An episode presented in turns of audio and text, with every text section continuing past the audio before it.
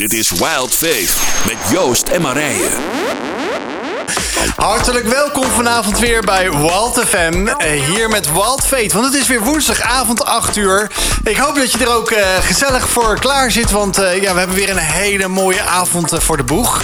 Met een, ja, weer een mooie, bijzondere gast die ons mee gaat nemen in een heel bijzonder onderwerp vanavond. Als je goed hebt opgelet vorige week, weet je waar, ik, waar het natuurlijk over gaat. Maar dat ga ik zo meteen even introduceren. Ik wil in ieder geval Luc bedanken voor de voorgaande twee uren. Luc, dat heb je goed gedaan weer vanavond. We hebben ook tussen de bedrijven door even gauw met elkaar gegeten. En nou, Luc is gewoon een geweldige gast die het goed doet. die het hier helemaal naar zijn zin heeft. En hij zit hier zelfs ook als stagiair op de achtergrond. Dat vertelt hij natuurlijk niet in zijn show. Maar hij gaat waanzinnig gave dingen doen de komende tien weken hier bij Walter FM. Dus dan weet je alvast dat je hem ja, allicht ook op andere terreinen tegen gaat komen bij Walt FM. Nou, leuk dat je er weer bent. Uh, dat je er weer bij bent vanavond. Uh, ja, ik heb de ene charmantste presentatrice van het land... Uh, die altijd goed gekleed gaat, hier weer naast mij zitten aan de linkerkant. Helaas vanavond United 7 is er niet bij om via de socials te, te streamen. Marije, leuk dat je er weer bij bent. Ja, dan ben ik natuurlijk meteen, meteen benieuwd wie de allercharmantste vrouw is. Ja, dat is, dat is mijn vrouw natuurlijk. Ah, en dat is ook de, de meest charmantste presentatrice van het land. Want zij heeft namelijk ook een eh, podcast gelanceerd vorige week. Oh, wat goed. Ja, ja, zij, uh, heeft, een, uh, ja zij heeft een afweerstoornis. En zij wil heel graag met een, met een klein clubje jonge bevlogen vrouwen... wil ze heel graag mensen meenemen in de achtergrond van... ja, wat is het nou om zo ja, chronisch ziek te zijn en wat houdt dat nou allemaal in? ja, waar, waar ga je nou allemaal... wat ga je wel doen, wat ga je niet doen? Dus dat heeft best wel consequenties. Maar ja, ze pakt zich sterk op en ja, ze is helemaal in de podcast. Dus nou, ik geloof dat we binnenkort ook hier in de studio een keertje gaan uitnodigen voor een live uh, interview hier op Wild FM natuurlijk. Ja, nou dat uh, zal ze misschien ook wel leuk vinden ook om uh, te komen. Dus ik ga het aan de voorstellen, Super, Marije. moet je doen. Ja, nou ik ja, ga natuurlijk weer even het grapje van de week uithalen, want het kan niet anders. We gaan weer even zagen, zagen, zagen. Want ja, voordat ik dat die week door heb gezaagd, nadat ik dat heb gedaan, die woensdagavond, ja, dan ga ik onze studiogast van vanavond introduceren. En ik ga ook alvast verklappen dat uh, ja, half Amsterdam, God's Embassy, ook nu zit te luisteren. Want we gaan niemand minder dan, uh, dan uh, Giel gaan we bellen straks het volgende uur... over een waanzinnig wow-event hier in Amsterdam, wat elke week is. Maar dat is pas na negenen. Maar God's Embassy, luisteraars, leuk dat jullie erbij zijn vanavond. Nou, en dan gaat nu echt die gastintroductie komen. En ja, ik doe mijn research altijd even heel erg goed. Maar er zit hier een, iemand die heel breed zit te lachen. Want die denkt, ik heb al een beetje de sneak preview gekregen. Want wij hebben hier een dame zitten vanavond die lekker, die het heerlijk vindt om te koken. Die waanzinnig graag in de natuur ingaat. Die geniet van stilte en rust. Die uh, ja, vegetariër is in deze tijd, kan het. Maar ze heeft zoveel liefde voor de man dat ze zelfs dat uh, stukje vlees ook af en toe voor hem, voor hem bakt. Ja, en hij heeft de allermooiste, de allermooiste voornaam die je maar kan bedenken. Dat is natuurlijk alleen maar Joost. Dus dat is alvast heel gaaf. En daarnaast is zij ook een bevlogen auteur die zich verdiept heeft in slapen en dromen. Nou, dat is natuurlijk wel iets heel bijzonders, want ze schreef een boek Dromenjagers. Gods sleutel voor de nacht spirituele, de, de, voor de nacht spirituele betekenis van de nacht. Dit is niemand minder dan Diete Kouwmouw. Van harte welkom, Diete. Dankjewel. Ja, ja, ik moet nog die applausjes hebben hier in de, in de jingles, want die ga ik er Want dat is natuurlijk gaaf dat je hier vanavond bij ons bent. En um, ja, ik ben eigenlijk wel een beetje benieuwd. Je bent getrouwd met Joost en die heeft de naam Kouwmouw. Nou, dan ben ik toch heel benieuwd als, als introductie. Wat is de betekenis van jullie achternaam? Uh, nou, de betekenis zou ik zo 1, 2, 3 niet eens weten. Volgens mij hebben we dat wel eens een keer opgezocht. Maar de naam is Frans. Dus okay. origineel uh, komt uh, de naam uit Frankrijk. En de voorouders van Joost komen ook uit Frankrijk. Net zoals mijn voorouders. dus dat is interessant. Ja, we zijn allebei een, een afstammeling van de Hugenoten. En die hebben een hele interessante geschiedenis. En daar komt deze naam vandaan. Gaaf. Ja. Heel, heel bijzonder. Ja, dat is een leuke introductie van jezelf. Eh, leuk dat je er bent vanavond, uh, Diete. Vind ik ook. We gaan altijd even het rondje langs van, uh, ja, van ons dankbaarheidspuntje van, van deze week. wat hebben we weer meegemaakt? Waar zijn we eigenlijk dankbaar van? Dat kan klein zijn, dat kan groot zijn. Ja, ik laat je niet het eerste woord gelijk geven, want dan denk je, wat dan? Nou, laten we de, onze Marije eens eventjes horen waar zij dankbaar voor is geweest afgelopen week. Nou, soms heb je van die dagen, dan hoef je er niet eens over na te denken waar je dankbaar over bent. Want ik ben dit weekend opnieuw tante geworden. Gefeliciteerd! En dat is echt zo'n ontzettend mooi klein meisje. Echt een poppetje om te zien. Ah. En ze heet Liv Rosita. En dat, de naam Rosita betekent beeldschoon. En ja, dat is echt al gewoon uh, fantastisch mooi. Ze is echt al zo mooi. Maar ja, gewoon je opnieuw verwonderen over zo'n klein ukkie en die handjes en die voetjes. En gewoon het moment dat ik gisteravond ging beeldbellen met mijn broertje. En dat, dat ze me aan zat te kijken op de camera. Ik denk, eh, wat dacht ze? Gek ding, die telefoon. maar echt fantastistisch. Mooi. Gefeliciteerd. Dank je. Dieter, heb je ook nog iets moois om te delen met de luisteraar van, uh, van Walt FM? Ja, nou ja, ik moest gelijk denken aan mijn uh, nieuwe bureaustoel. Kijk, nou, dat, is, dat kan zomaar een heel mooi dankpunt ja, zijn, toch? Ja, ja, ik heb een heerlijk kantoor in ons huis. En we zijn niet zo lang geleden verhuisd. Uh, daar heb ik een eigen kamer, daar ben ik super blij mee. Uh, en nu hebben we een andere stoel neergezet, waardoor ik veel lekkerder zit. En ik breng er daar nogal wat uurtjes door. Dus uh, ja, heel blij mee. Dankbaar kijk, voor, ja. Kijk, mooi. Dat is lekker zo praktisch. Dat hoeft allemaal niet heel erg groot te zijn. Nee. Want eigenlijk mijn dankbaar punt was... is dat ik weer, weer vanavond al hier gewoon met een gezellige club mensen heb... Uh, uh, ja, de, de avond kon starten voor de, de voorbereidingen. Dat is niet vanzelfsprekend. Want ja, als je het nieuws een beetje volgt... weet je dat ongeveer half Nederland ongeveer in quarantaine zit... of net uit quarantaine komt of net quarantaine ingaat. Misschien zit je wel lekker te luisteren vanavond uh, naar Wild FM. Leuk dat je erbij bent. Laat het ook even weten waar je zit. En ja, heb je misschien ook al wel een vraag aan Dieter vanavond? Stel die vooral via de, de studio WhatsApp. Dat is uh, 0639392050. 0639392050. Als je eigenlijk wil weten van... ja, maar hoe dan die dromen? Hoe zit dat precies? Wa waar, waar moet ik dan aan denken? Schroom vooral niet door de studio eventjes de, te whatsappen. En dan ga ik die vraag ook hier gewoon stellen. Maar dat doe ik natuurlijk niet voordat we weer eventjes een fantastisch gospelnummer hier op Wild FM draaien. We gaan nu even luisteren naar Infinity. We zijn zo bij je terug. Uh, ja, we hebben zojuist eigenlijk Dieter geïntroduceerd... met uh, ja, een hele bijzondere Franse background die ze heeft. Maar ik denk uiteindelijk dat, uh, dat haar... ja, dat is natuurlijk eigenlijk het, het... ja, noem maar even het lichamelijke... maar het geestelijke, daar voelt ze zich denk ik... veel meer aangetrokken tot, ja, tot de hemelse vader... tot God die, die haar ook in bijzonder ja, in het leven gekomen is. Want ja, in het voorbereiding gesprekje waar ik net ook even bij stond, zei je van nou, ik heb echt gemerkt dat ik een nieuwe fase in mijn leven ben, ben uh, gekomen. En daar heeft God mij eigenlijk ook uh, naartoe getrokken.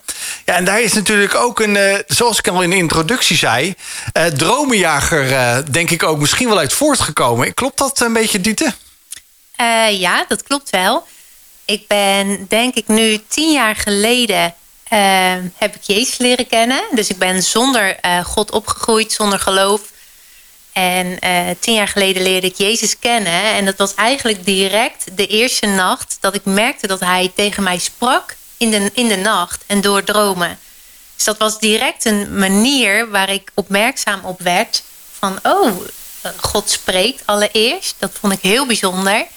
Um, en daarnaast uh, dat dat dus met name in de nacht gebeurde. Nou, jaren later heb ik gekozen voor... Uh, uh, om, om dit boek dus te schrijven. Om eigenlijk veel meer mensen bekend te maken hiermee. Ja. Ja. Nou ja, ik weet, ik dacht bij mezelf toen ik. Uh, nou ja, ik volg je op, uh, op social media een beetje natuurlijk. En toen ik, toen ik dat zag, toen dacht ik echt bij mezelf van. ja, we hebben het hier vaak over die Bijbel, hè, die, die bibliotheek van 66 boeken die bij elkaar gevoegd zijn. En ik dacht gelijk aan de droom die Abraham had, dat hij de, op de. de, de, de, de Zegt het goed eigenlijk, Abraham? Was het Abraham? Was het Ik weet De ladder. Ja, de ladder. Jacob. Van, van Jacob. Ja, sorry, ja. Jacob. Jacobs ladder. Zelfs, ja, sorry, ik zat even mijn, uh, alle, alle profeten van het Oude Testament. Maar dat, dat, ik dacht echt aan Jacob, want die, die wordt in de slaap gebracht. En dan ja, ziet hij ook echt een hoge ladder naar de hemel. Maar ook dacht ik aan zelfs in de Bijbel staat dat, dat jonge mensen dromen dromen. Hè, dat dat ook daadwerkelijk een, een geestelijk iets is. Ja, dat is natuurlijk waar we in deze tijd heel erg mee bezig zijn, denk ik, met spiritualiteit. Maar daar gaan we natuurlijk ook, denk ik, wel meer over, over te horen krijgen. Maar ik ben heel benieuwd een beetje naar jouw verhaal. Want je zei eigenlijk van, ik ben niet christelijk opgevoed. Kan je ons dus een beetje meenemen in je ja, verhaal... wanneer je eigenlijk Jezus ontmoet hebt en hoe dat gebeurd is? Ja, zeker. Dat kan. Ehm, dat is natuurlijk een enorm lang verhaal. Dat kan je begrijpen. Want ik was midden twintig toen ik Jezus leerde kennen. En voor die tijd uh, had ik eigenlijk best wel een heel heftig uh, leven, zou je kunnen zeggen. Um, ik kan me herinneren dat ik al heel jong was en echt dacht: wat doe ik hier op aarde? Dat was een hele diepe vraag in mijn hart waar ik uh, al heel jong mee bezig was en dat ik eigenlijk niet los kon laten. Waarom ben ik hier? Waarom voel ik me eigenlijk niet thuis op aarde? Waarom uh, ja, voel ik me eigenlijk niet op mijn gemak? Um, en, en ik zocht echt naar de, naar de betekenis van mijn bestaan. En wat, wat creëerde dat, zeg maar, die zoektocht? Was je daar senang mee? Was het gewoon relaxed? Of zorgde dat eigenlijk voor heel veel... Onrust. Ja. Ja, mm, onrust. Uh, en, en ook wel echt heel veel last van depressieve gevoelens. En, uh, en dit was later natuurlijk, hè, op latere leeftijd. Ik was uh, denk ik twaalf toen ik al echt de eerste keer flink depressief raakte. En nou ja, dit gaat gelijk natuurlijk goed de diepte in. Maar er is heel veel gebeurd in mijn leven en, ehm, en in ons gezin. En dat was echt niet altijd makkelijk. Ik ben opgegroeid met een broer met een drugsverslaving en een zusje die echt flinke psychische problemen had. Die dus eigenlijk kliniek in en kliniek uitging. Heel zwaar eetproblemen ook had. En ik uh, wandelde daar tussendoor als het ware. En was echt op zoek van wat doe ik hier? En, en waarom gebeuren deze dingen in ons gezin? En wat is nou eigenlijk de reden van alles? Uh, zo een hele grote vraagstukken. Uh, ja. Want je zegt, op mijn twaalfde had ik al te kampen met depressie. Ja, klopt. Dus je was echt gewoon nog kind. Je kwam wellicht net van de basisschool af op de middelbare school. Of je zat nog in groep 8. Ja, ja dat klopt. Ja. Ik kan me herinneren dat, we, dat ik samen met mijn moeder naar een, uh, naar een kinderpsycholoog uh, ging in die tijd. Um, dus ja, waar, jouw vraag was eigenlijk waar, waar mondde die zoektocht in uit? Hè? Nou, die, die ging alle kanten op. En ik heb het met name heel erg gezocht in um, het spirituele, uh, New Age, Reiki, Boeddhisme. Uh, ik was heel gevoelig voor het bovennatuurlijke. Dus ik wist al heel jong, er is meer tussen hemel en aarde. Er was geen vraag voor mij. Ik, uh, ik voelde dat, ik zag dat, ik hoorde het soms. En dat was een, een, een, normaal onderdeel eigenlijk van mijn leven. Alleen kon ik dat niet in een vat gieten. En uh, daardoor ging ik op zoek. Dus uh, ja, wat, waar heb ik me niet mee bezig gehouden, zou je bijna kunnen zeggen. En wat vond je dan in die zoektocht? Want je zegt, ik heb eigenlijk heel veel dingen bekeken. Ja. En wat, wat, ontdek je, eh, wat ontdekte je dan bij New Age of bij Reiki... of bij al die verschillende spirituele takken die je eigenlijk hebt? In eerste instantie uh, dacht ik daar wel gedeeltelijk wat antwoorden te vinden. Um, maar uiteindelijk leidde het eigenlijk altijd weer tot nieuwe vragen. En uh, ik kwam er ook achter dat ik in de in gaandeweg eigenlijk steeds meer last kreeg van eenzaamheid, stil, steeds meer last kreeg van depressie. En het gezin waar ik uitkom was ook met die dingen bezig. En het ging eigenlijk alleen maar slechter met iedereen. Dus, dus dat was voor mij duidelijk geen vervullend antwoord. Uh, ja. En ging het dan slechter in de zin van... Uh, er kwam geen verlichting. Er kwam geen licht aan de horizon eigenlijk... in het leven van je broer of je zusje of jullie als gezin. Nee. Dus eigenlijk was je op zoek naar heel veel verschillende spirituele methodieken eigenlijk... om te kijken waar ligt dan die verlossing... of waar ligt dan ja. het antwoord op jouw grote levensvragen. Klopt. Ja. En je conclusie was eigenlijk, ik krijg alleen maar meer vragen. Ik vond het daar eigenlijk juist niet. Ik vond het niet. En soms was het eventjes dat ik dacht van, oh ja, dit is het. Want je wil zo graag iets vinden dat je ook heel erg bereid bent eigenlijk om concessies te doen. Uh, als ik het in ieder geval voor mezelf spreek. Maar aan de andere kant werden de problemen alleen maar groter. Uh, kun, je, kun je iets schetsen van de problemen die groter werden? Uh, ik denk dat ik um, um, alleen maar meer last kreeg van duistere dingen in mijn omgeving, dus ook met name in de nacht. Dus duistere aanwezigheid, dingen die ik voelde, enge dromen, heel veel angsten. Um, nou depressie noemde ik al, uh, angst voor mensen, ook niet echt door kunnen breken in dingen. Um, aan de andere kant had ik eigenlijk een leven wat van de buitenkant heel mooi was. Ik had voor mijn hobby mijn werk gemaakt. Ik werkte met paarden. Ik reed ieder weekend wedstrijd. Ik was goed in wat ik deed. Um, uh, trainde heel veel paarden. Het zag er heel mooi uit. Voor veel, uh, voor veel vrouwen wellicht echt een droombaan. Gewoon iets waar je als, als jong meisje van droomt. Dat je met paarden mag werken en dat je daar uh, succesvol in zou kunnen zijn. En over, over welke leeftijd heb je dan nu, zeg maar? Hoe lang, hoe lang speelde dit, deze zoektocht dan al? Uh, ik denk van mijn twaalfde, dertiende tot uh, ja, midden twintig. Weet je niet moedeloos? Ja.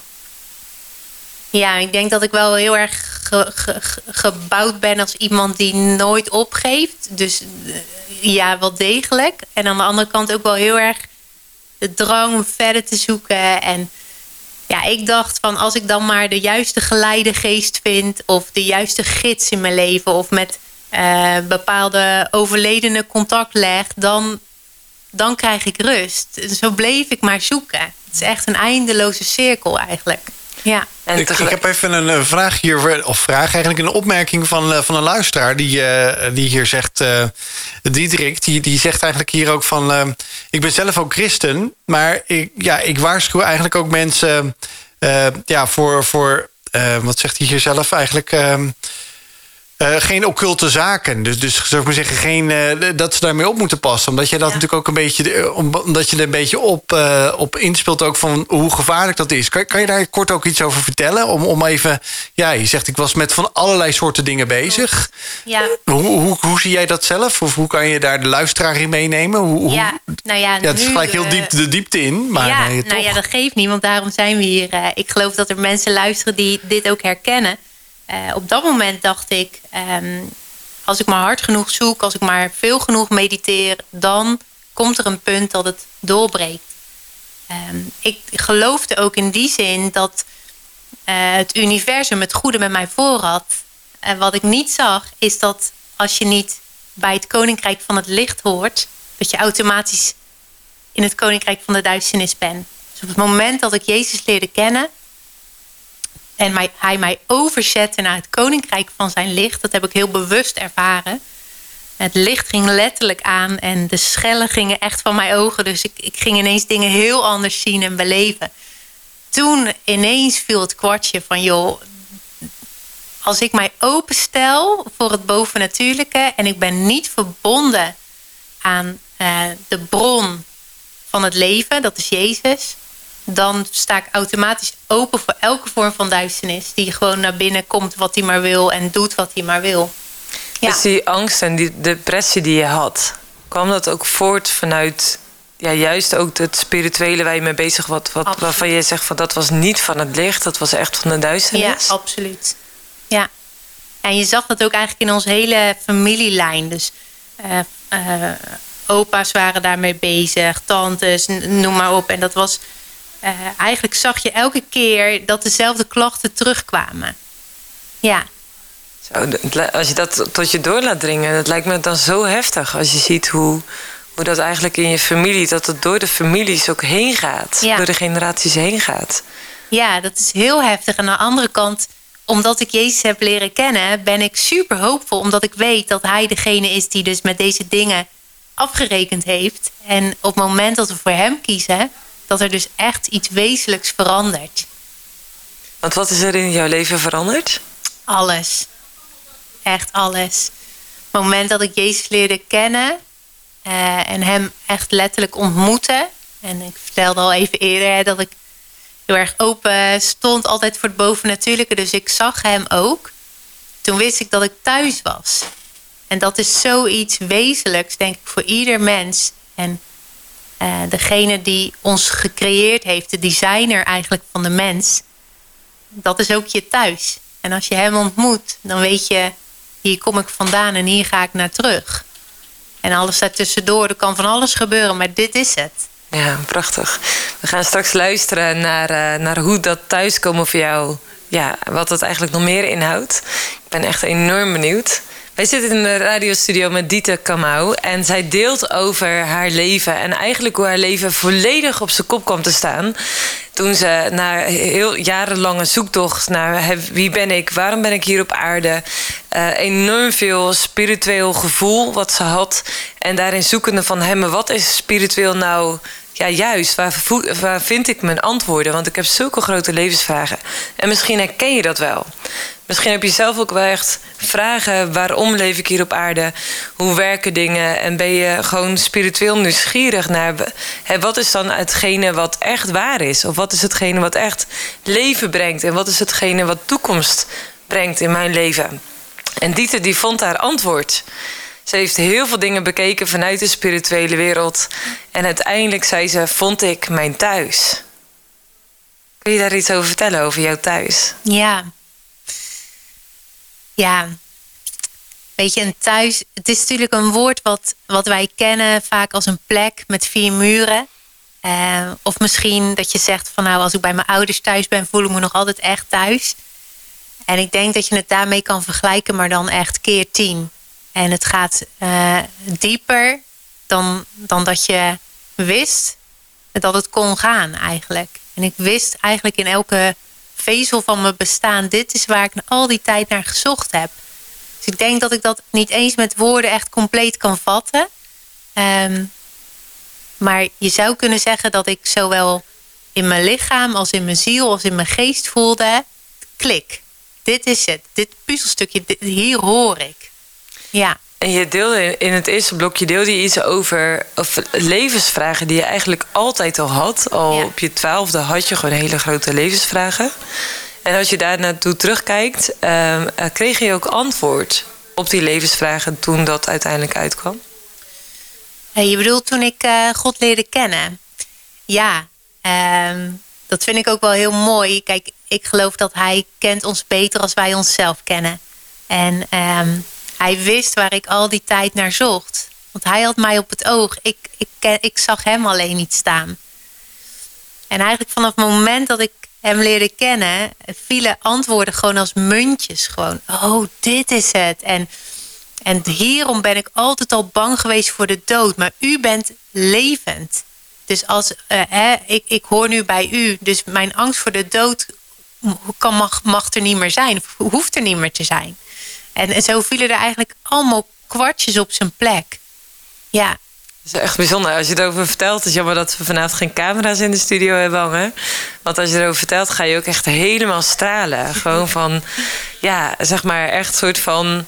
Uh, daar waar je eerst schetste van ik kende zoveel angst en depressieve gevoelens. En echt gewoon een stuk radeloosheid van ze constant maar zoeken en wel de hoop hebben, ergens ga ik mijn antwoorden vinden, maar waar vind ik ze? Ja. En dat je vanaf het moment dat je ze dus vond, echt gewoon echt een ommekeer kwam in je leven. Ja, absoluut. Ja. Ja, ik ben zo intens dankbaar dat ik Jezus heb leren kennen. En ik, dat gun ik iedereen op aarde. Uh, en ik weet wat het is om te zoeken. Om echt te zoeken en maar niet te vinden. En, en ook de invloed die uh, bepaalde keuzes hebben in je leven. Omdat als ik heb ook alles gedaan wat God verboden heeft. Zo, hè, dat is zo'n uitspraak. Ik heb het allemaal gedaan. Ik ben op housefeesten geweest. Ik heb drugs gebruikt. Ik heb drank, seks, noem het maar op. Ik heb alles gedaan. En ik weet dat het ten diepste gewoon niet vervult. Het vervult gewoon niet. Je voelt je nog steeds eenzaam. Je vraagt je nog steeds af wie ben ik? Uh, wat doe ik hier? Uh, je bent nog steeds bang. En heel veel mensen kampen met deze dingen. Ja. En jij, jij vond daarin, zeg maar, je had daarin die ontmoeting met Jezus, die dus je leven op zijn kop zette. Ja. Kun je iets vertellen over die ontmoeting die je had met Jezus? Ja, zeker, ja. Um, ik had mijn, uh, mijn man, wat toen nog mijn vriend was, net leren kennen. En ik geloof dat wij op de eerste avond dat wij elkaar leerden kennen al een dikke discussie hadden. Want hij is gelovig opgevoed.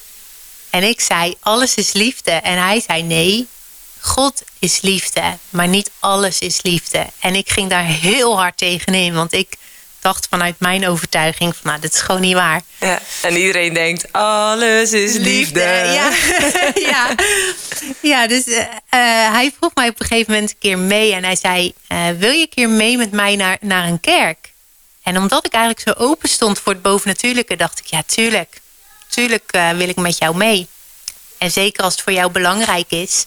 Dus ik ben meegegaan en uh, er werd gesproken en er werd gezongen. En ik heb geen flauw idee wat er eigenlijk gezegd werd.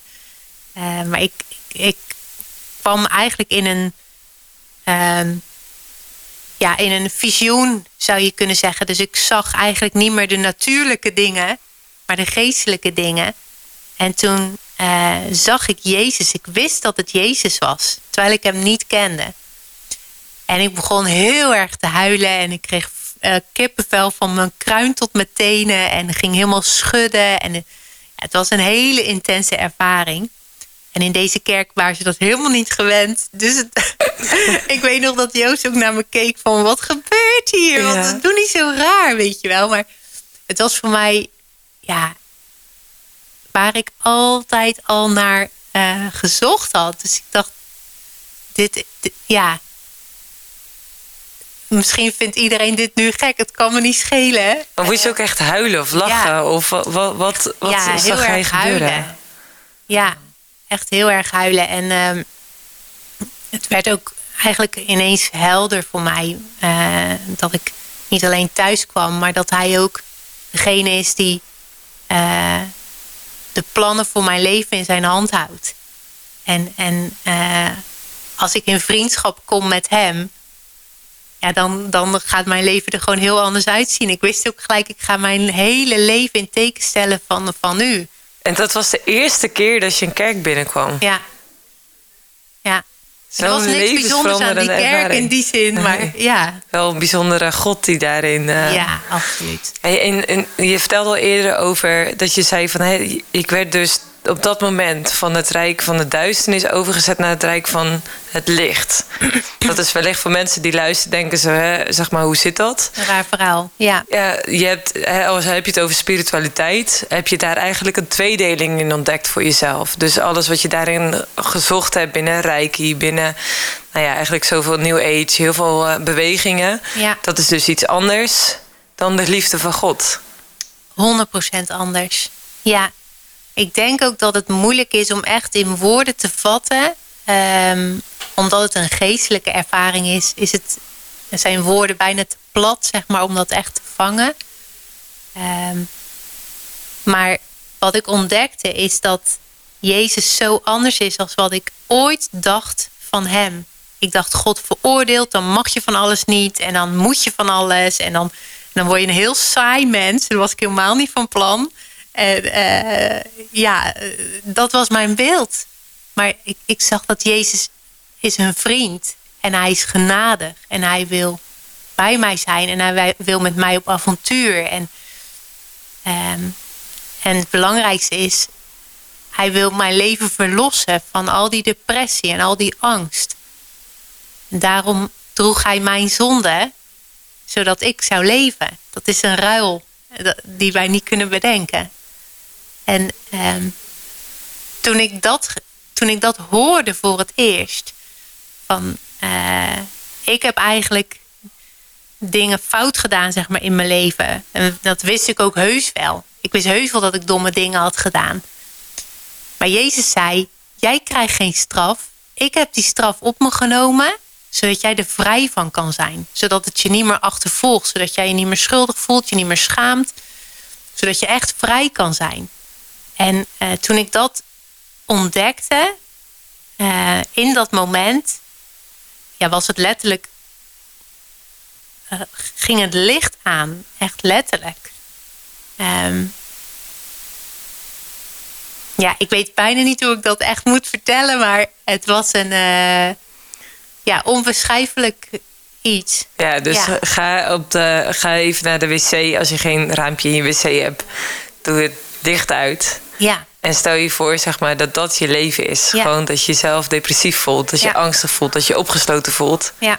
En dat die ontmoeting die jij dus had met, met Jezus, een lichtknopje aanzetten. Juist. Waardoor je echt zag wat er gebeurde in je leven. Ja. Het is echt een bovennatuurlijke ervaring die je daarin gehad hebt. Ja, dat klopt. Ja. nu heb jij iets met slapen en dromen en zo. Daar heeft Joost natuurlijk al iets over verteld.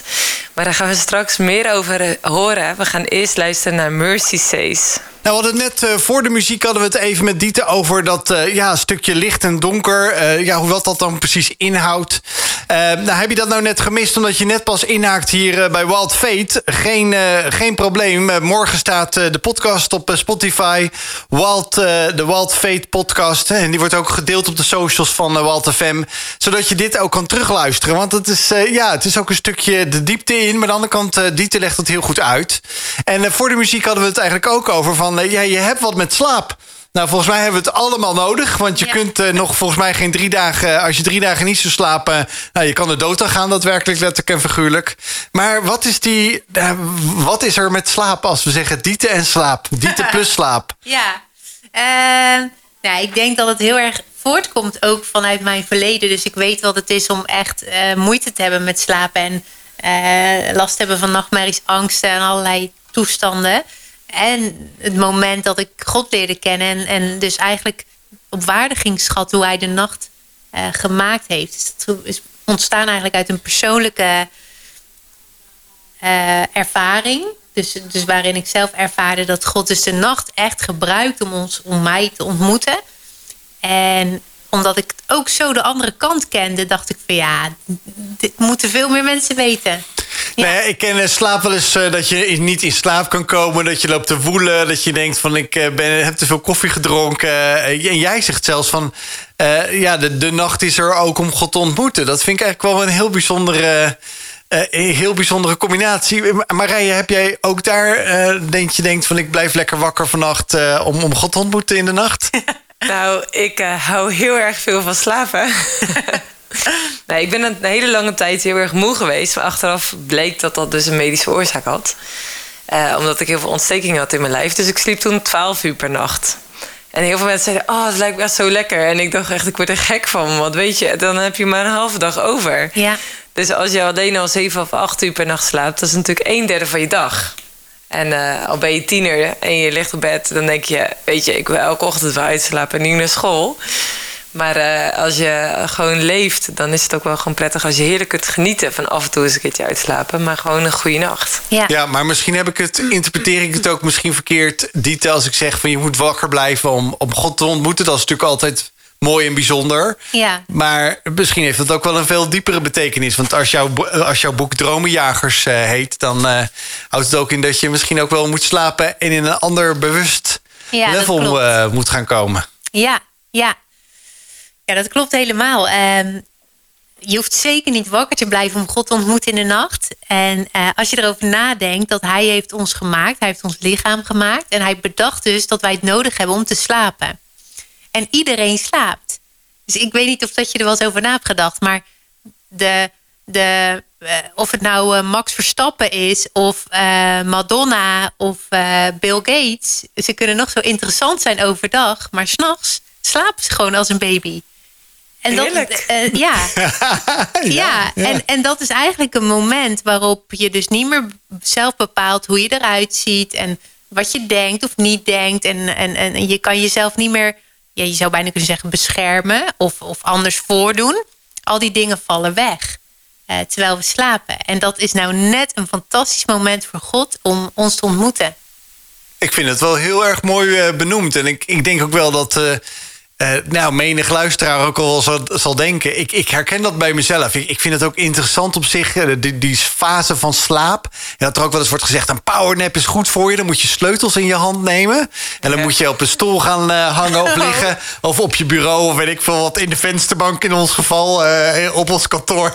en dan moet je die sleutels in je hand houden. En op het moment dat je dus daadwerkelijk ook wegzakt. Nou, dan, dan, dan heb je een soort van. Dan vallen die sleutels en dan word je weer wakker door dat geluid. Maar ik vind het zo mooi dat je Ehm, ja, aan de ene kant, het is natuurlijk heel gek dat je jezelf niet kan beschermen. Hm. Maar ik vind het ook wel heel bijzonder dat je dat inderdaad zegt. Uh, ja, je bent eigenlijk, je bent jezelf op dat moment. Je kan je niet met opsmuk of met uh, voordoen met een mooie selfie, uh, mooi opgemaakt, mooie kleding aan. Dat is allemaal mooi, maar dat is dan allemaal niet van toepassing. Nee. En dat, is, dat is wel iets waar je wel echt dieper over bent gaan nadenken, denk ik. Ja. Als ik het zo begrijp van jou. Ja, absoluut. Uh, als wij slapen gebeuren ook interessante dingen in ons lichaam, in onze hersenen. Uh, en, en dat is allemaal niet voor niks. ik denk dat wij, vooral in Nederland of in het Westen, zijn we zo gewend om eigenlijk te zeggen van... als ik het niet begrijp, bestaat het niet. Als ik het niet kan uittekenen, uitcijferen... een wiskunde som erop los kan laten, dan is het er niet. Maar wij zijn uh, gemaakt niet alleen verstandelijk, maar ook geestelijk. En dat zijn dingen die wij niet altijd kunnen vatten. Eigenlijk, zoals ik net ook al zei, ik kan dingen niet helemaal in woorden vatten. Nou, dat is denk ik ook echt iets wat hoort bij de nacht. Uh, tijdens de nacht werkt bijvoorbeeld uh, onze linker hersenhelft een heel stuk minder. En dat is nou net de kant van onze hersenen die zegt: ik begrijp het, rationeel denken, cijfers, uh, het hele begrijpelijke. Um, en, en, en die kant is eigenlijk een beetje in de rust terwijl wij slapen. En dat geeft heel veel ruimte om eigenlijk dus die bizarre dromen te krijgen waarvan je denkt: wat heb ik nou weer gedroomd? Nou, ja. wij willen natuurlijk altijd alles beredeneren, denk ik. Ja. Dat beschrijf je heel goed. Alles moet verklaard worden van A tot Z. Waarom gebeurt dit? Waarom gebeurt dat? Waarom, waarom doe ik dit eigenlijk? Waarom ik het doe? Ik vind het echt heel interessant dit, uh, wat we hier bespreken. En uh, ja, volgens mij uh, gaan we daar echt absoluut vanavond nog dieper op in in, het, in het volgende uur. over, die, nou, over die slaap en wat ook God daar in het bijzonder ook in wil doen en kan doen. En hoe je dat ook kan verstaan. Ehm, ja, dat, dus dat gaan we zo meteen na, de, na de verplichtplegingen van de commercials en het journaal ook doorspreken. Maar voordat we dat zelfs ook verder mee doorgaan, dan spreek ik ook nog met Giel. Hij gaat ons echt iets vertellen wat waanzinnig wauw is. Dus dat gaan we zo meteen ook eventjes horen van hem vanuit God's Embassy. En ja, mocht je nou zelf nog een reactie hebben, want ja, er zijn best wel wat reacties op de WhatsApp ook vanavond over dromen. Ja, en wat dat eigenlijk ook inhoudt en hoe God ook dromen wil gebruiken voor jouw leven. Laat dat dan even weten via de WhatsApp naar de studio, want dan kunnen we dat hier ook ter plekke ook met die te bespreken. Naar 0639392050. Uh, ik zeg uh, alvast, uh, laat die vragen maar komen en we spreken jullie straks. De nummer 1 voor hits.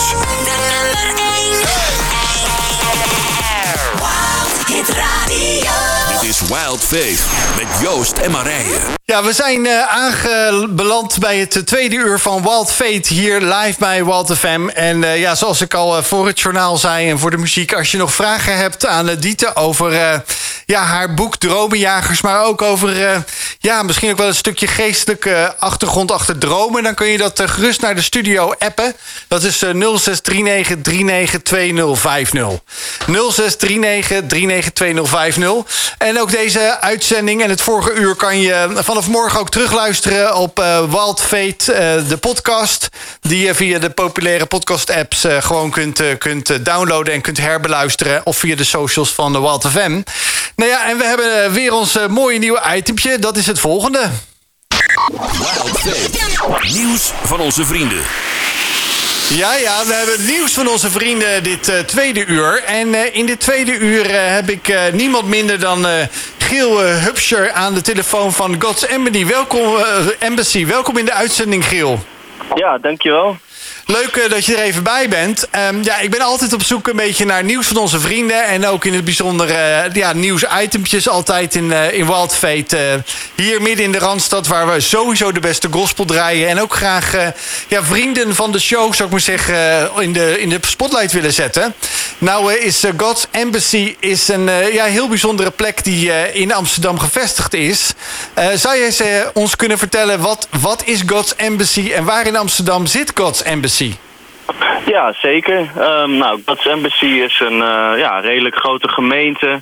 Uh, wat uh, ja, net naast Amsterdam is gevestigd in Duivendrecht. En um, ja, het is al zo'n 17 jaar oud. En ja, het is echt geboren vanuit een gebedsbeweging van meer dan een jaar. En, en van daaruit ja, is deze gemeente stapsgewijs gaan groeien. En nu zitten we in een mooi ja, grote loodsgebouw op het industrieterrein bij de macro in de buurt. En um, nou ja, het wordt geleid door onze voorgangers Dick en Arlene Westerhof. Um, en nou ja, ze zijn een apostel en een profeet. nou, dat klinkt misschien gek voor de mensen die nu luisteren, maar nou goed, daar kan ik nog wel eens een keer wat meer over vertellen. Oké, nou dan wordt dan een dan moet je een keer hier live bij Wild Fate meer komen vertellen over, over dat stukje. Maar wat is een, een, gemeente is eigenlijk ook een kerk, neem ik aan, toch? Ja, een, ja, een gemeente, nou ja, weet je, je, je, je, hebt geme je, je komt bij elkaar uh, als kerk zijnde. En uh, nou ja, dus vaak denken we dat het gebouw de kerk is, maar eigenlijk zijn de mensen de kerk en, en het bij elkaar komen. En dat doen we hier elke zondagochtend. Om half elf begint hier een dienst. Kijk, kijk eens aan. En dat is in, bij, in Duivendrecht, dicht bij de macro, zoals je al zei. Ja, ja, we maken geen sluikreclame hier. We zeggen alles recht voor zijn raap, uh, Giel. Ik bedoel, uh, ja, als mensen ook graag uh, meer van, van Jezus willen weten... of ja, weten wie, willen weten wie God is... dan moeten ze ook mooie plekjes kunnen vinden natuurlijk. Ja, zeker. Ja. ja. Nou ja, goed. Sorry? Ja, voor meer informatie kunnen ze op de uh, embassyamsterdam.nl kunnen ze kijken. Kijk, kijk, je bent uh, goed bezig om reclame te maken. Dat had ik al gezien via de socials uh, die je deelde, Giel. Dat ja. ja je vanavond hier live bij Walter Fem in de uitzending zou zijn.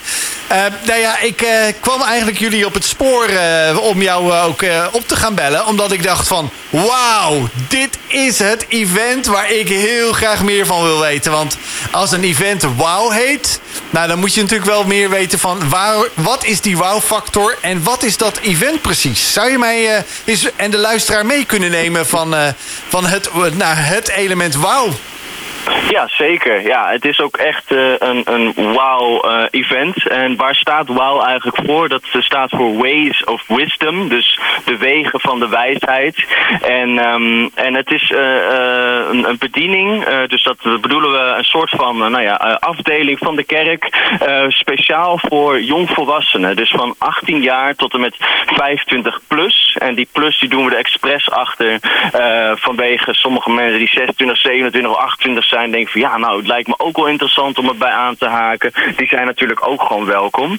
Um, en um, nou ja, het is uh, vaak lastig als jong persoon in deze wereld, in deze maatschappij, om, om de juiste keuzes en beslissingen te nemen. En daarom hebben we heel veel wijsheid nodig. En wij willen echt gaan uitdragen op die uh, evenementen en bijeenkomsten um, dat, dat we wijsheid van boven vooral nodig hebben, van God. En, en, want God heeft, het, heeft de beste overzicht uh, over alles wat er gaande is in de wereld. En, uh, en, en als, als je Jezus wilt volgen, dan krijg je zijn heilige geest in jou wonen. En dat is God die hier op aarde is. Die in jou woont en die kan jou de beste wijsheid geven. En dat is uh, nou ja, de, het, het, de kern waar het vooral om draait. En van daaruit... Um, willen we jonge mensen ook die weg laten zien naar Jezus, naar God. Nou, wie is die God van de Bijbel nou eigenlijk? Um, wat is er nou eigenlijk allemaal gebeurd? Wat, heeft, wat is Jezus nou komen doen hier op aarde? En wie is nou die Heilige Geest dan? En, uh, maar dat is niet alleen een dienst, maar dat is van tevoren ook gewoon, en daarna in de dienst, ook gewoon een geweldig feest wat we er ook van maken. We hebben DJ's, we hebben spelletjes, we hebben een fotobooth met Polaroid camera's. Uh, we hebben, nou ja, geweldige eh, rode, rode loper en, en banners staan. Zodat we het ook wel iedereen ook wel speciale uh, uh, behandeling geven. Van hey, je bent echt welkom, maar niet zomaar dat je welkom bent. Je bent ook echt gewoon ja, een geëerde gast om hier te zijn. En, en van daaruit gaan we dan de dienst in. En um, nou, dan is er dus aanbidding. En dat houdt in dat we dus gaan zingen en God groot gaan maken. En van daaruit hebben we dan wel eens een, hebben we ook een spoken word artiest. Nou, dat is iemand die uh, uh, op een uh, mooie manier een gedicht voordraagt en, en, en ook God daarin alle eer geeft. Wow, en wow, van daaruit heel hele woord en alles. Nou goed, dat is het in het kort. Ik praat heel veel misschien. Zo, maar dat was een tsunami. Ja, maar het klinkt echt wauw, Giel, om te horen gewoon hoe gepassioneerd dat je erover bent. En eigenlijk de uitnodiging van, hey, pas je, weet je jezelf welkom. Ben je jongvolwassene, weet je welkom bij het Wow-event.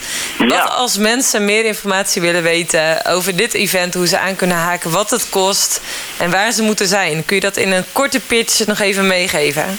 Ja, nou het mooie is, is dat het uh, helemaal gratis is. Je hoeft er niks voor te betalen.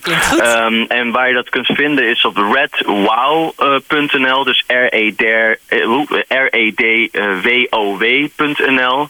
Um, en daar staan alle, staat alle informatie op, ook voor de komende events. Maar we hebben niet alleen events, we hebben ook om de twee, of elke eerste vrijdagavond van de maand hebben we ook gewoon een kleinere bijeenkomst waar iedereen ook welkom is, specifiek voor, voor de jongvolwassenen dus. Ja, um, en ja. uh, dat, dat, al die informatie staat daarop. Je kan ook alle social media, dus Facebook, Instagram, TikTok, uh, Red Wow uh, kun je ook vinden. En nou, Kortom, uh, alle informatie op. Ik zeg uh, redwow.nl. Uh, kijk het op de socials, kijk de website aan en ja, ga er gewoon heen. Giel, ik wil je hartstikke bedanken voor jouw ja, geweldige enthousiasme, je vuur, je passie over ja, het ontmoeten van God, het, het leven van Jezus, hoe, hoe waanzinnig gaaf dat is en hoeveel je van hem kan leren. Ik wil je hartstikke bedanken voor je, voor je input vanavond om, om dit te pitchen. en ik vond het leuk dat je even in de uitzending was. ik zeg bedankt en eh, wie weet, eh, tot eh, een keer hier in de uitzending. Graag gedaan, dankjewel. Okay, goed, doei. doei. we zijn gewoon om altijd de tweede uur te starten met de poll. Want we zijn natuurlijk altijd benieuwd naar... Kom maar, kom maar, kom maar met je mening. En als je ons via Instagram volgt, uh, WildFM... dan kun je namelijk elke week reageren op de vraag die we uitzetten. En dat was deze week... een droom kan iets betekenen voor je dagelijkse leven. Je bent natuurlijk reuze benieuwd naar de, de, mening van iedereen. Ja, ik, ik, ben ook heel benieuwd. En volgens mij is die ook uh, goed. Er is ook goed op gereageerd. Er is absoluut goed op gereageerd. Dus ik denk dat het echt een thema is waar mensen benieuwd naar zijn of mee bezig zijn. Of ja, ieder mens slaapt. 7 8 uur per nacht. Een derde van je leven ben je dus aan het slapen, hoop je. Want als je te weinig slaapt, gaat het niet goed met je. Maar dat betekent dus dat als we kijken naar de reacties van deze avond, dat 86% zegt ja, een droom kan iets betekenen voor je dagelijks leven. Ja, fantastisch. Ik zit hier aan tafel met Dieter Kamau. En zij is de dromenjager. In ieder geval heeft ze een boek geschreven met die titel. En ben je nu benieuwd naar eigenlijk die wat kunnen dromen betekenen in je dagelijks leven? Dan moet je even haar boek bestellen. Dat kan natuurlijk via haar eigen website www.dietekamau.nl of volg haar via de socials en dan kun je dat ook vinden. Want het is echt een boek vol. En vanavond kunnen we zeker niet alles ter tafel laten komen.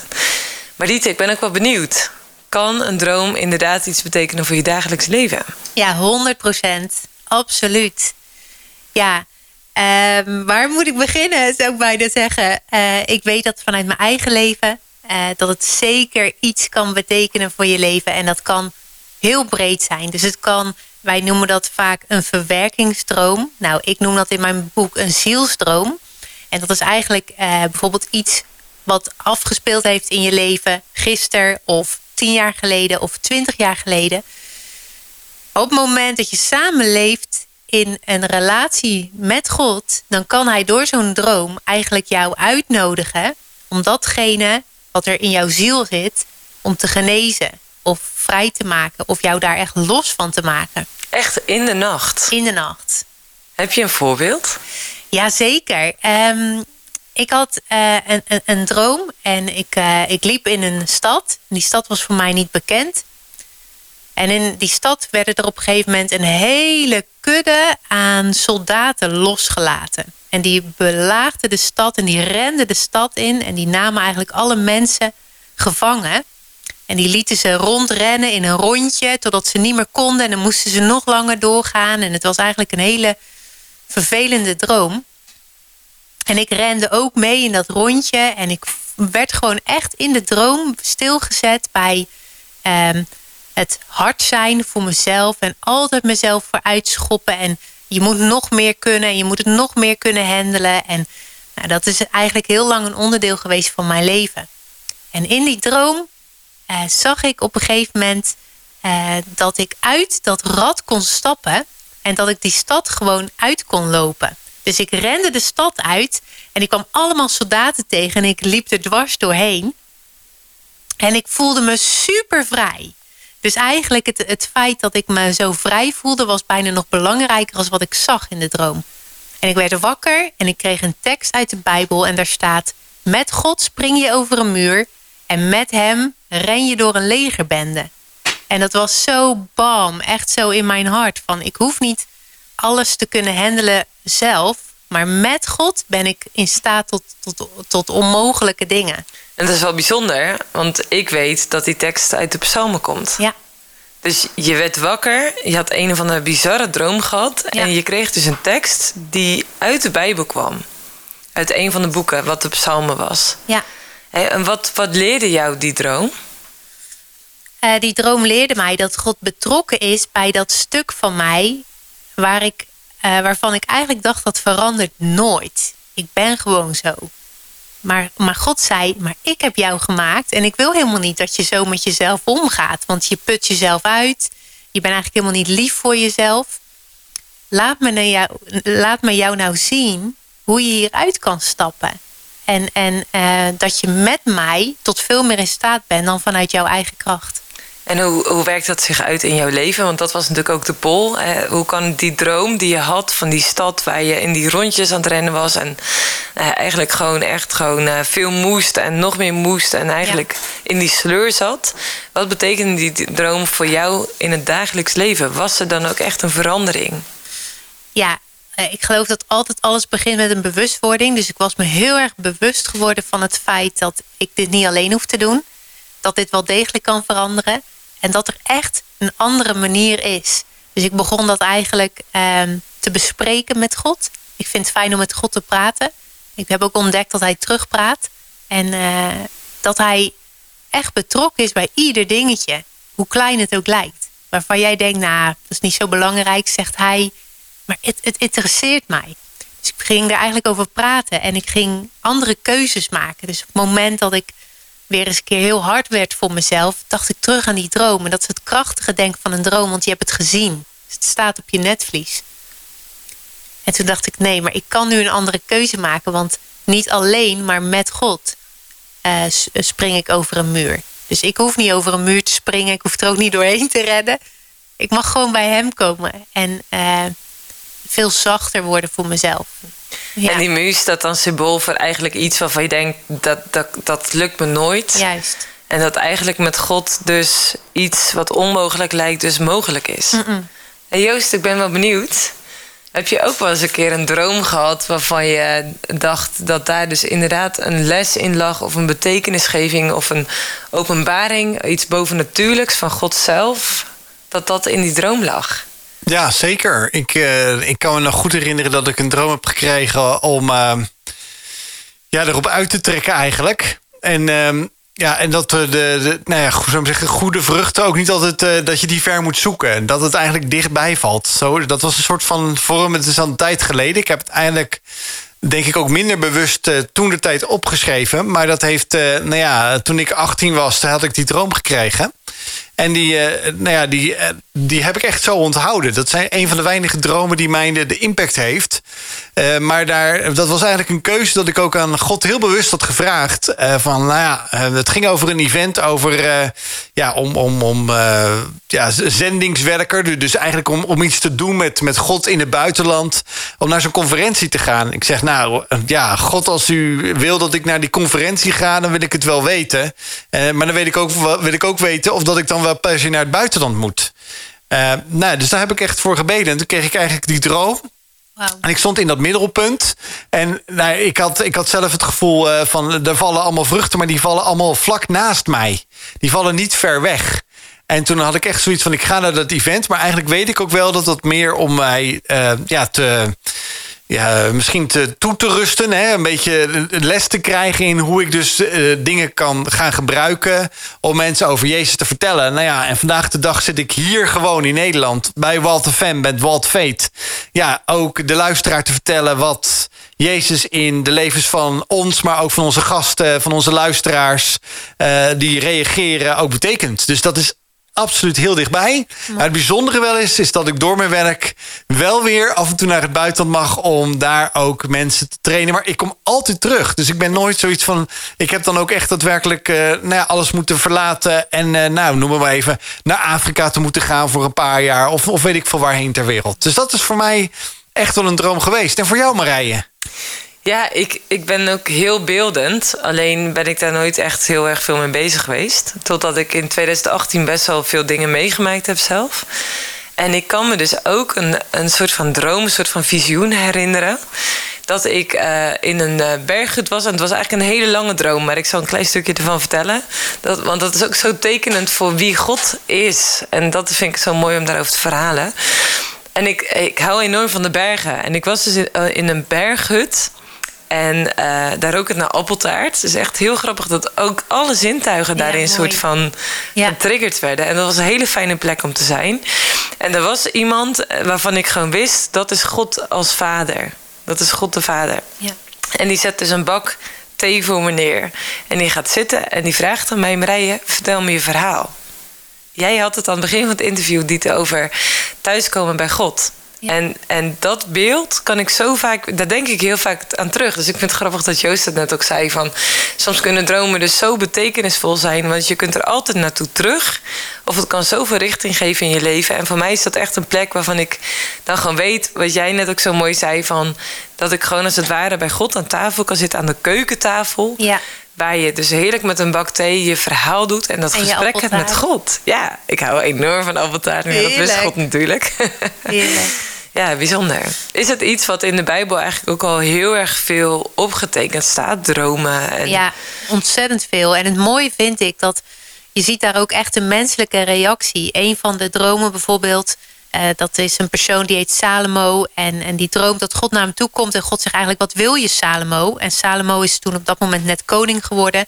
En die vraagt eigenlijk, nou geef me maar wijsheid, want anders bak ik er helemaal niks van als koning. Hij, hij wilde ook wow, the words of wow, wisdom. Ja. Juist. The words of wisdom, inderdaad. En, um, en, en, en God zegt dan dat hij hem wijsheid zou geven. En niet alleen dat, maar hij zal de rijkste man ooit op aarde worden. En dan wordt Salomo wakker en dan zegt hij, het was maar een droom. En dat is denk ik zo tekenend voor hoe wij mensen soms kunnen reageren op een droom. De geschiedenis echter wijst uit dat Salomo wel degelijk de meest wijze en de meest rijke man werd op aarde, waardoor het hele volk uh, leefde in overvloed en leefde in vrede. En uh, onder andere is dat iets wat mij uh, toe aangezet heeft om dit boek te schrijven, omdat ik geloof dat God deze dromen wil geven. Ik geloof dat in deze tijd hebben wij mensen nodig die vanuit de hemel wijsheid ontvangen om ons land te veranderen zodat wij leven in overvloed en in vrede. Dat hebben we allemaal heel hard nodig. Ja, want heeft ons land verandering nodig? Absoluut. Op wat voor gebied? Op, oh, ik geloof op ieder vlak dat, dat God daarin zijn skills, zijn overvloed, zijn goedheid uh, wil geven. En, en als Nederland of de wereld zo zou leven, hoe ziet de maatschappij er dan uit? Hoe ziet de maatschappij eruit die, die leeft vanuit de wijsheid en, en de relatie met God? Hoe ziet dat eruit? Ik geloof dat de wereld dan gevuld zou zijn met mensen die echte vrede kennen. Die, de, die, die je verstand te boven gaat en die de wereld niet geven kan. Ik geloof dat de wereld dan vol zou zijn met mensen die weten waarom ze hier zijn. En ook echt doen waarvoor ze gemaakt zijn. En dat geeft een diepe vreugde. Dus het zijn mensen die echt vrij zijn. En uh, in echte connectie leven met elkaar. En uh, hier kan ik heel veel over doorvertellen. Maar ik zal hier even stoppen. Maar nee, dan, dan gaan mijn. Uh, dan krijg ik wel wilde beelden in mijn hoofd, ja, bij deze vraag. Schrijf je, schrijf je daar ook over in het boek? Ja, zeker. Ja. Want, want, ik kan me voorstellen dat iemand luistert en zegt: Oh, Dieter, ik snak daarnaar. Mm. Ik snak naar vrede. Ik ja. snak naar echte vreugde. Juist. Ik snak echt naar echte voldoening. Ik wil niet meer uh, mijn leven zoeken, mijn geluk zoeken in allerlei dingen en telkens weer eigenlijk teleurgesteld raken. Ja. Maar eigenlijk zeg jij, daar is dus gewoon een antwoord op. Absoluut. En als jij dat bent, die nu luistert en die dit herkent, dan wil ik tegen je zeggen: lieve schat, er is maar één die jou dat kan geven en dat is Jezus. En het is één, één gebed, één moment waarop je zegt: Jezus, ik wil u leren kennen en ik open mijn hart voor u. Kijk, en ik vind het zo mooi dat bijna al onze gasten die hier zitten aan tafel zo eenvoudig zeggen: Mensen, luisteraar, doe het wanneer je denkt dat het jouw tijd is. Hmm. Jezus is er altijd. Ja. En dat vind ik fantastisch dat jij dat ook weer bevestigt. Want iedereen die hier aan tafel zit, inclusief wij zelf, zeggen dat ook. Hmm. Maar laten we zo meteen even doorpraten over, over meer in van de inhoud van het boek. Daar ben ik erg benieuwd naar. Die Dieter Kouwmouw. En uh, ja, we hadden het net voor de muziek erover. Uh, ja, dat ze ook natuurlijk echt een boek heeft geschreven. Kan je ons even kort meenemen, Dieter? Wat beschrijf je eigenlijk in, de, in het boek? Wat kunnen de mensen van het boek verwachten als, uh, als ze het boek gaan aanschaffen? Ja, uh, nou, het is eigenlijk een heel compleet boek. Dus ik begin bij de nacht, uh, bij de slaap, wat je slaap kan belemmeren. Dat is denk ik wat heel veel mensen ook willen weten. dus dat komt allemaal aan bod. Angsten, nachtmerries, alles wat je niet wil komt aan bod, ongecensureerd. Gods plan met de nacht. Dus wat zegt hij nou eigenlijk echt over die nacht? En waarom heeft hij de nacht bedacht? Waarom hebben wij überhaupt slaap nodig? Dan gaat het door over dromen. Wat spreekt de Bijbel over dromen? Wat kunnen we daarvan leren in 2022? Dus echt vertaald naar het nu, naar praktisch, um, persoonlijk. En wat, uh, wat kan je nou uit je dromen halen? Dus hoe onthoud je ze? Hoe krijg je dromen? Hoe, um, uh, hoe zorg je dat je ze ook echt zeg maar, kan gaan begrijpen. Uh, hoe begrijp je dan je dromen? Uh, wat kunnen ze voor je betekenen? Hoe ga je om met een droom die ook echt iets. stel, jij krijgt een businessplan in een droom, wat gewoon onge ongelooflijk mogelijk is. ik ken mensen die hebben een recept voor bonbons ontvangen in een droom. nou, er zijn zelfs allerlei uh, uh, uitvinders in de, in de geschiedenis, die dus in een droom hebben ontvangen iets waar ze op vast zaten en niet in verder kwamen. Dus dat is natuurlijk super tof, maar hoe ga je daar dan mee om? Wat doe je met zo'n droom? Hoe zorg je dat het van de nacht naar de dag komt, zodat het praktisch wordt? Dus van A tot Z neem ik je mee. Ik geef heel veel persoonlijke verhalen. Uh, van mezelf, van anderen, van mannen, vrouwen, kinderen, tieners, oud, jong. Uh, dromerige types, hele nuchtere zakenmannen en alles daartussenin. Omdat ik echt wil laten zien wie jij ook bent. Dit is voor jou. En, en uh, de nacht, een vredige, diepe, aangename slaap. Vol met ontmoetingen met de hemel die jou echt iets willen geven voor jouw leven. Uh, vol van hoop, vol van kracht, vol van liefde. Uh, dat is voor jou. Dus dat, dat is wat je van het boek kan verwachten. Heel compleet. Nou, ik zou bijna zeggen, het, is een, het klinkt als een hele dikke pil, uh, Dieter. Of valt dat mee? Nou, dat valt mee. Het zijn 300 pagina's. Uh, daarnaast uh, ben ik op dit moment een podcastserie aan het maken... die nog dieper ingaat op het uh, begrijpen van symbolen. zoals we die tegen kunnen komen in dromen... maar ook sowieso in het dagelijks leven. Dus getallen, kleuren, namen, dieren, voorwerpen, omgevingen, noem maar op. Uh, om je eigenlijk nog meer mee te nemen hierin. Dus wat ik niet heb kunnen schrijven, ga ik spreken. Uh, en dat kan je straks uh, op mijn podcastkanaal vinden. Zo, je bent best wel druk bezig om dat ja. dromen ook echt te verstevigen in de samenleving. Juist, juist. Dat, dat is mijn doel en ik geloof dat het Gods doel is en dat ik het mag uitwandelen. Ja. Als je zo eh, dat even schetst, hè, waar, waar het boek allemaal over gaat, dan, dan, dan gaat het mij helemaal borrelen. Van, Ik ben echt zo benieuwd gewoon. Ja. ja dat, dat is natuurlijk niet te vangen in, uh, in onze twee uur durende opname. Dus eigenlijk zeg je gewoon van, hé, hey, mensen, koop gewoon dat boek. Ja, en vooral als jij iemand bent die te maken heeft met nachtmerries, angst voor het donker, uh, duistere dingen in je nacht. Dat je aanwezigheid voelt in je slaapkamer. Dat je besprongen wordt in je slaap. Dat je last hebt van slaapverlammingen. Ik weet wat dat is. En ik, en ik kan je helpen om daar echt van af te komen. Ik, kan, ik zou me dat helemaal niet voor kunnen stellen. Maar als je dat zo schetst, dan klinkt het zo uh, beangstigend eigenlijk. Ja, ja, dat klopt. Er zijn ontzettend veel mensen die hier last van hebben. En uh, de wetenschap geeft het allerlei termen en allerlei oorzaken.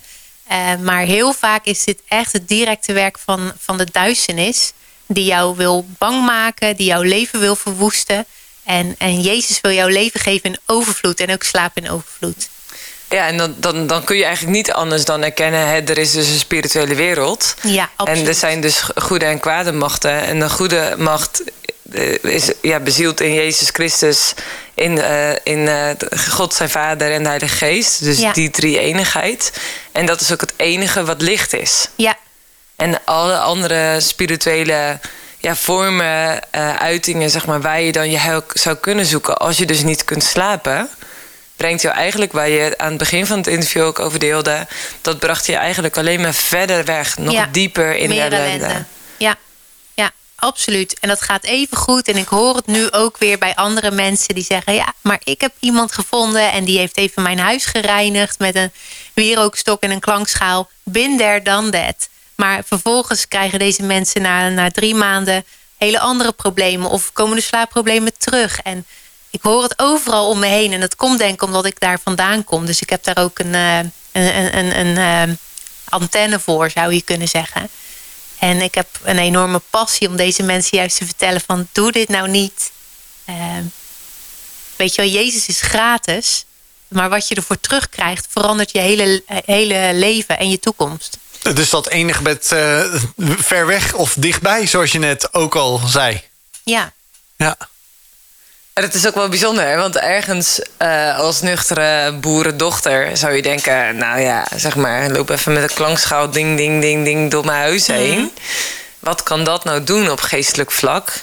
maar ergens is dat wel de gedachte om geestelijk iets dus te bewegen in je huis. Ja, wat een deur openzet voor deze machten, waarmee je eigenlijk zegt: kom maar binnen in mijn huis, kom maar binnen in mijn leven of in mijn lichaam, of waar je het dan ook toelaat. En je zal altijd zien dat dat dus ook sporen achterlaat. Ik, ik kan dus eh, vanuit mijn eigen leven getuigen, maar ook van, ik vertelde al even bijvoorbeeld over mijn broer en zus.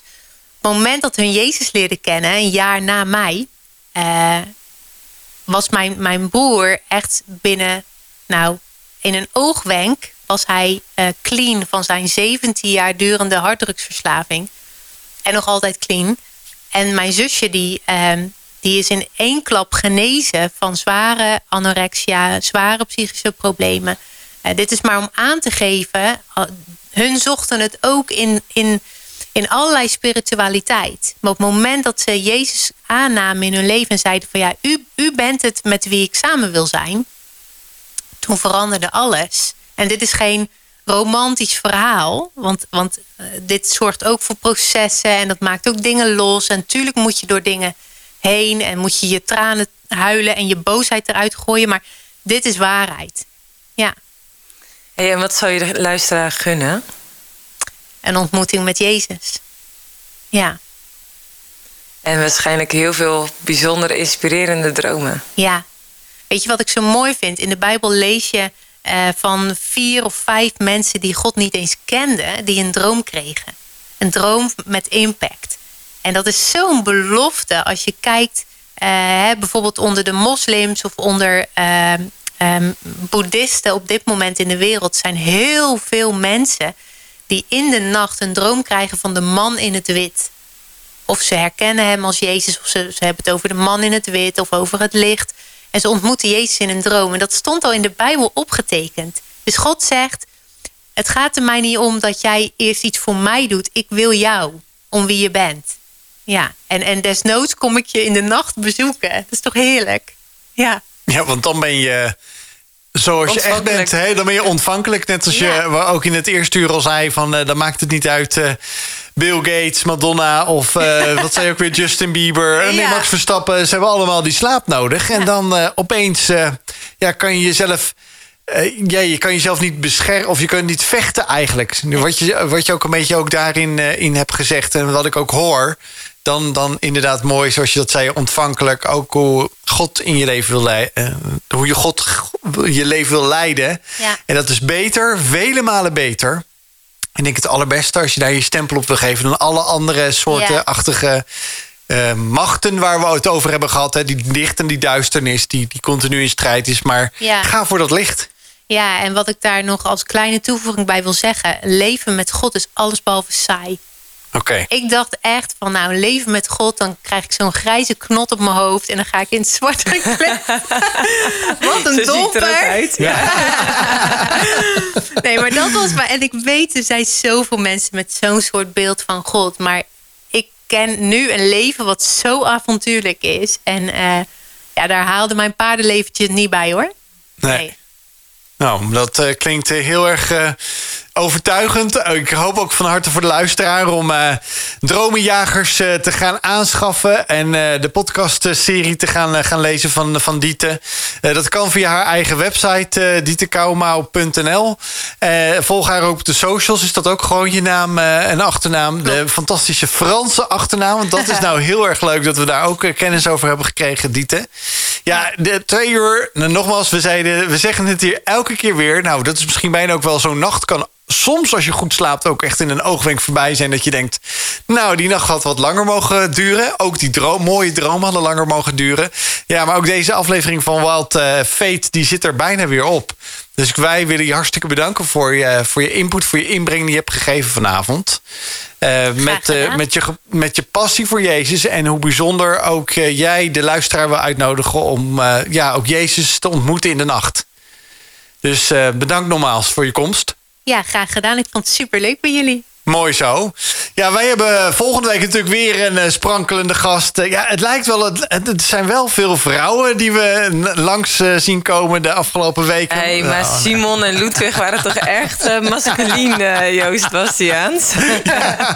nee, nee, nee. Maar we, we hebben volgende week is leuk, want het is natuurlijk bijna Valentijn. Ja. En Kokkie Drost, de seksper, die komt volgende week langs. Ja, en als je, als je Kokkie eventjes googelt, dan zie je ook dat ze al bij bijna alle radiostations geweest is, behalve bij Walter FM, eh, zou ik bijna zeggen. De hoogste tijd. De hoogste tijd dat ze hier ook gaat komen. Nou, wij uh, willen in ieder geval eh, bedanken dat je ook geluisterd hebt vanavond. En ja, we zeggen ook nogmaals een hele goede nacht. Met mooie, bijzondere dromen van God toegewenst. En tot volgende week.